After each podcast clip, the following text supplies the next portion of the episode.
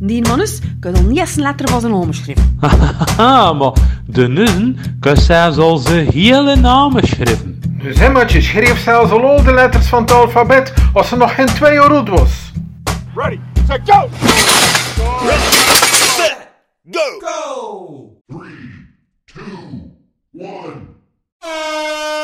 Elke ouder kent ze wel. Die ouders die altijd paraat staan met advies en tips en wiens kinderen het altijd zoveel beter lijken te doen dan die van jou. Op school natuurlijk. En uiteraard ook in deze tijden van homeschooling. Maar ook in de zwemles en thuis en op bezoek en op restaurant. Want hun kinderen die zeggen altijd netjes dankjewel. En die zagen nooit en die houden zich netjes aan de toegestane schermtijd. En ze houden niet van snoep. Eh, kleurstoffen. Terwijl ze wel elke avond netjes hun bord leeg eten. Zelfs als dat bord schuilgaat onder een berg tot snot gekookte spruitjes. Ah ja, de die van u zet ze liever groentjes dan frietjes. Ja, Jos. Right. Nobody knows the system better than me. Nobody knows politicians better than I do. Nobody knows. Nobody's better. Nobody's stronger. There's nobody bigger or better at the military than I am. I love the First Amendment. Nobody know, loves it better than me. Nobody loves the Bible more than I do. There is nobody that respects women more than I do. Nobody builds walls better. How am I doing? Am I doing okay? I'm president. Hey, I'm president. Can you believe it, right? Wie dacht dat die vergelijkingsdrang deze dagen verdrongen werd door het coronavirus, die heeft het jammer genoeg mis. Integendeel, het strijdtoneel om de eerste, de beste, de grootste, de knapste, de slimste of, of het braafste wonderkind, I say not in a braggadocious way. ja, dat verplaatste zich tegenwoordig volledig naar de wereld van de sociale media. Everything I've done virtually has been a tremendous success. I'm a businessman, did really well, really well, and I can do that. Zelf kan ik ze sinds de lockdown begon niet meer op twee handen tellen. De ontelbare perfecte plaatjes van de zelfgebakken cakes met een perfect gepoetste keuken op de achtergrond. Humble. Ja, en, en hey, ik, ik gun het die mama's en papa's en kindjes zeker die oprecht gezinsvreugde vinden in het samen bakken met elkaar. Ja, maar ze bestaan evengoed. De mama's die in mindere mate beantwoorden aan dat profiel van de keukenprinses. En ik geef het toe, ik behoor tot deze laatste categorie. Mama, gaan we cupcakes bakken? Nee, ik ben nu bezig. Ik heb veel werk. Maar gelukkig heb ik daar weinig last van, van een knagend schuldgevoel wanneer ik weer eens aan het swipen in plaats van aan het bakken ben met mijn drie wonderkinderen.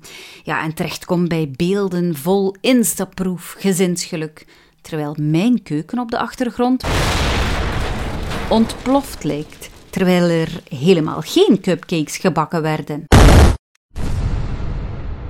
Maar toch gebeurt dat vergelijken meestal niet helemaal eerlijk. Want successen, die worden massaal gedeeld op sociale media.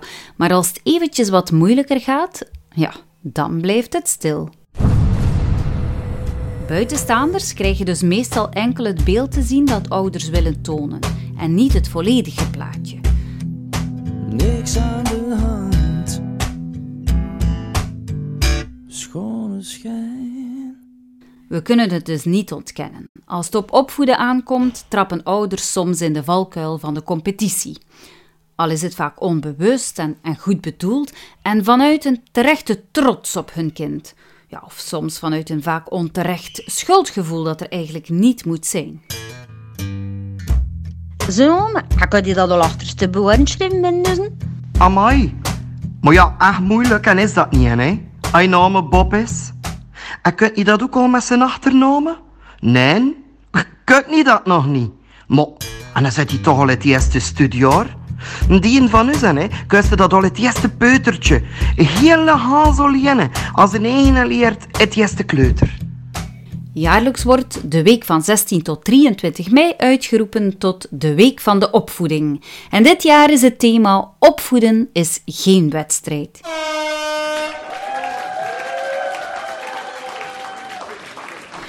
Iets waar ik mezelf volledig in kan vinden. Om de moedermafia het zwijgen op te leggen en een pleidooi te voeren om de wedstrijd uit het opvoeden te halen.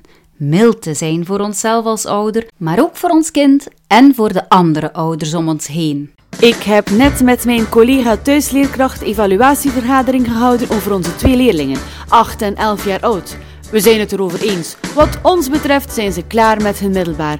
En we zouden het waarderen als ze vanaf maandag op kot gaan. Verbinding, begrip, mildheid, daar weet kinderpsychologe Nina Mouton alles over. Onlangs kwam haar boek Mild Ouderschap zelfs tijdens de woedeaanval in de supermarkt uit.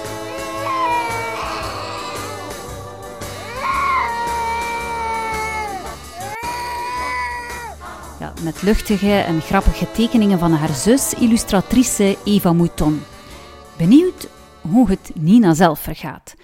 En of ze er zelf eigenlijk in slaagt het hoofd koel te houden met haar twee jonge kindjes binnen haar gezinsbubbel.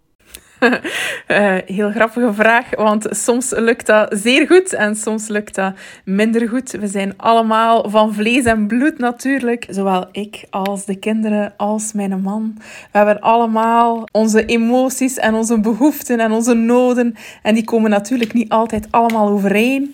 Ik merk ook dat we de laatste dagen dat de kinderen de vriendjes beginnen missen en dat wij ook sociaal contact beginnen missen. Dus ja, het is zoeken. Het is sowieso zoeken in het ouderschap en in het eh, opvoeden en grootbrengen, maar nu nog een keer extra. Maar ik denk dat we dan, dan uh, ook mild mogen zijn voor onszelf, want dit zijn uitzonderlijke tijden.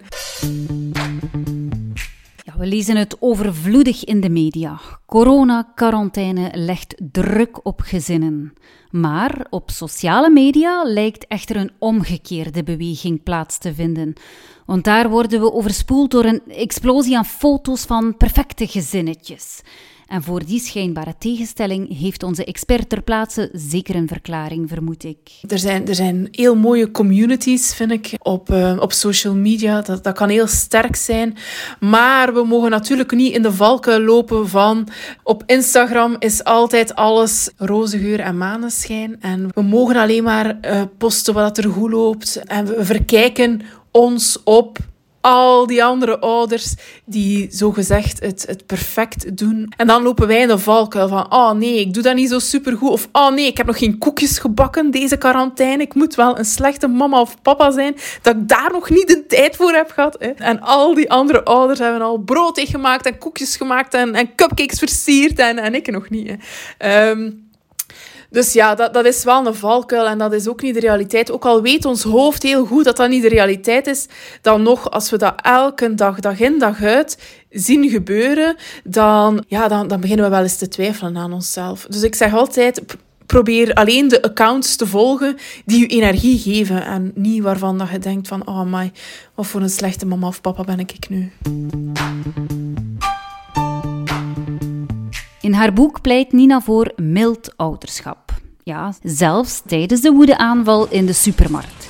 Ik vraag me af of die mildheid dan vooral gericht is naar de hysterische ouder die het even niet meer weet met zijn woedende kroost.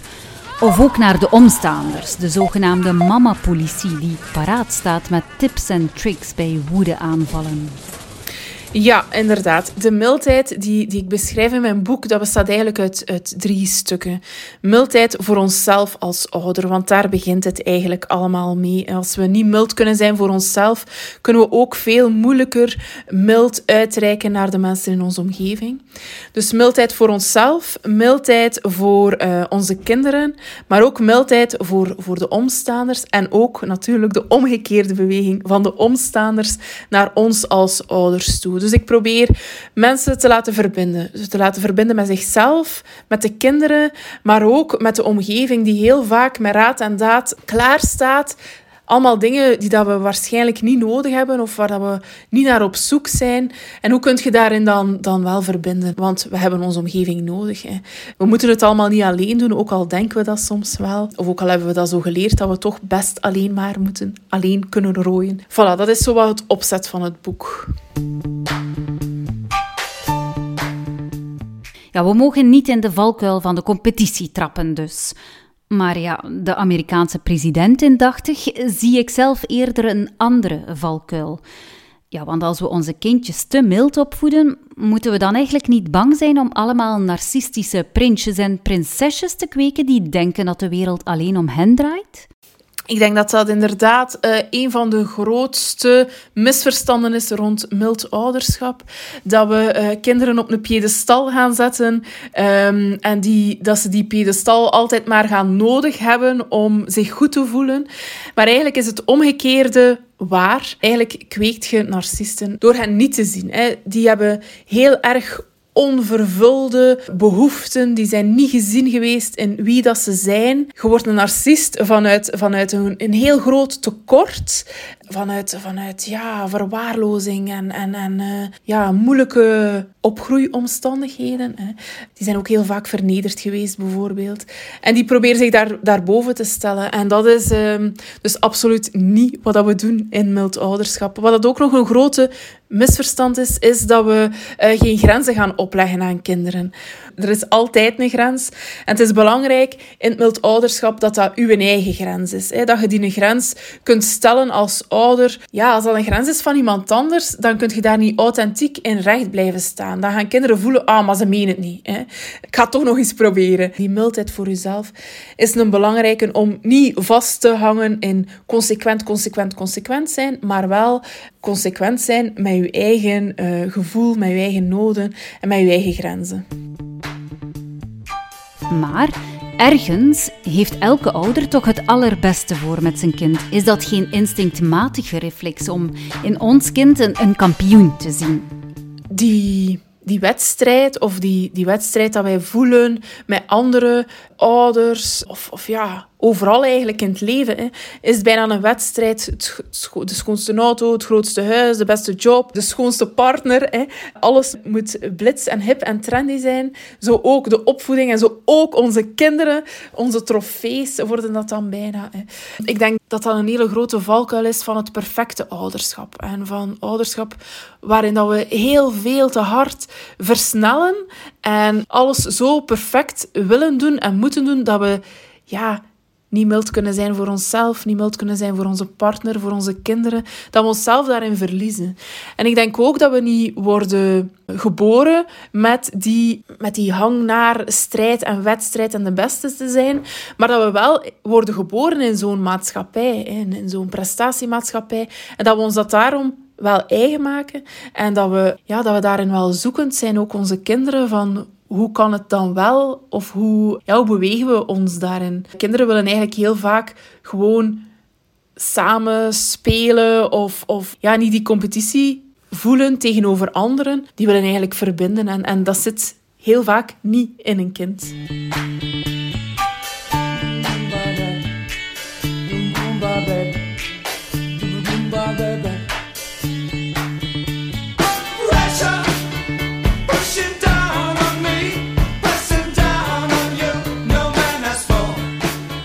Gezinnen zitten momenteel meer dan ooit op elkaars lip. Ouders moeten werken terwijl hun kinderen aandacht vragen. Die ouders hebben stress over de toekomst. Ze hebben geen moment voor zichzelf. Nina's boek staat bomvol tips om aan zelfzorg te doen.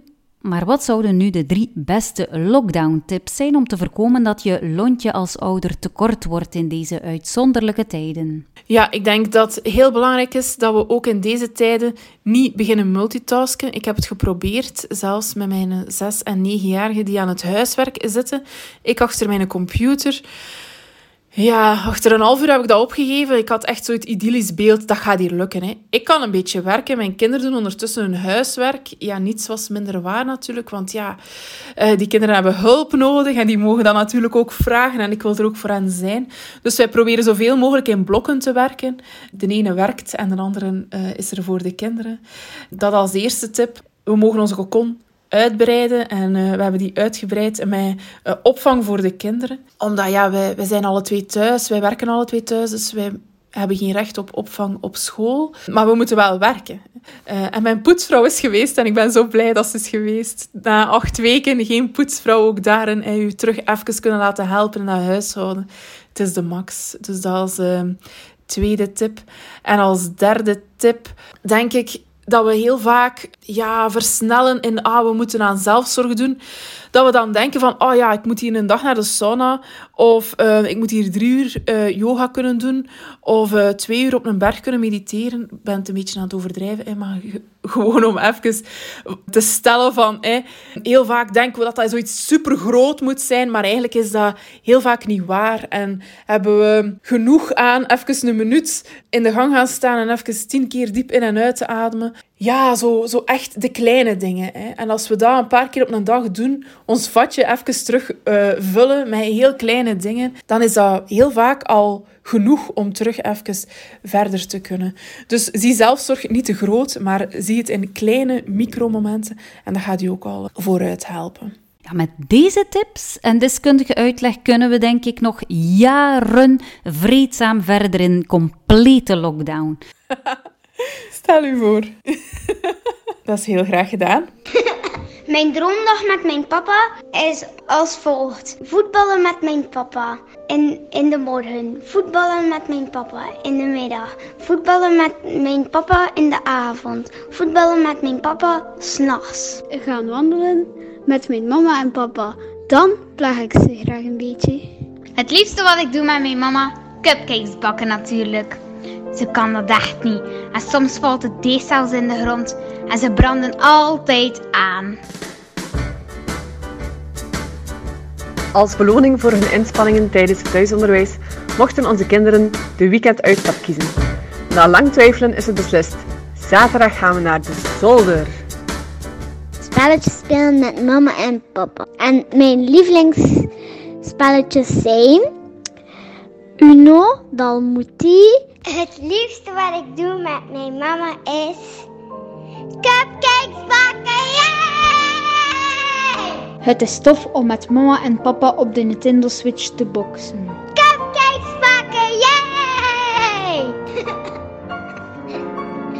Je hoort het. Als het van de kindjes zelf afhangt, moeten dat helemaal geen spectaculaire of dure activiteiten zijn, die pas officieel bestaan wanneer ze op sociale media verschijnen. Ja, het kan even goed eens binnenpiepen zijn op de gezinsmarkt, wat wij in gewone tijden normaal wel zouden gedaan hebben. Het Huis van het Kind in Poperingen en Vleteren organiseert namelijk elk jaar tijdens de Week van de Opvoeding de gezinsmarkt en tal van andere toffe gezinsactiviteiten. Net terug van onze gezinsuitstap naar de zolder en we zijn allemaal blij terug in de living te zijn. Hadden toch wat last van heimwee. Vandaag geen gezellige gezinsmarkt met milde ontmoetingen met andere ouders en hun troost. Ja, maar wel op vraag van onze jongste cupcakes bakken. Ik zet alvast met glimlach op. Uh, niet omdat ik graag cupcakes bak, geen keukenprinses, weet je nog wel. Maar wel omdat ik weet dat dat kleine meisje hier in huis daar zo gelukkig van wordt. Mild ouderschap, weet je wel, dat betekent af en toe wat water bij de wijn doen en tijd besteden aan elkaar. En nu al weet ik dat we die cupcakes zeker niet op Instagram zullen zwieren. Want ja, opvoeden dat moet niet altijd een wedstrijd zijn. Tenzij die cupcakes voor het eerst in mijn leven wel gelukt zouden zijn. Ja, dan misschien wel. En als ze mislukken, ja, dan misschien ook. Want ja, mild ouderschap dat is toch ook de mindere kantjes van het ouderschap in de picture durven zetten, niet? Oké, wacht, hè. ik ga mijn record. Ik zie dat hij aan het opnemen is. Ik zie het gewoon. Woehoe! Ah, en kan die volmacht regering ook alsjeblieft dringend verplichten dat er wat lijm moet worden toegevoegd aan de muizenstrontjes, zodat ze eindelijk aan die boterhammen blijven plakken? Dank u. Goedemorgen. Voilà. Je luisterde naar een aflevering van Poddicht, het podcastcollectiefje van Kunstacademie Poperingen. Deze episode kwam tot stand in samenwerking met het Huis van het Kind Poperingen Vleteren, naar aanleiding van de Week van de Opvoeding. Bedankt om te luisteren. Beluister zeker ook een van mijn vorige afleveringen en die van de andere potdichters. De interessante dagboekfragmenten van Wim bijvoorbeeld, of de filosoteinende hersenspinsels van Thomas. Je vindt ze terug op SoundCloud en ook op Spotify, waar er als surplus na elke aflevering een passende song in onze playlist staat. Veel luisterplezier en tot de volgende.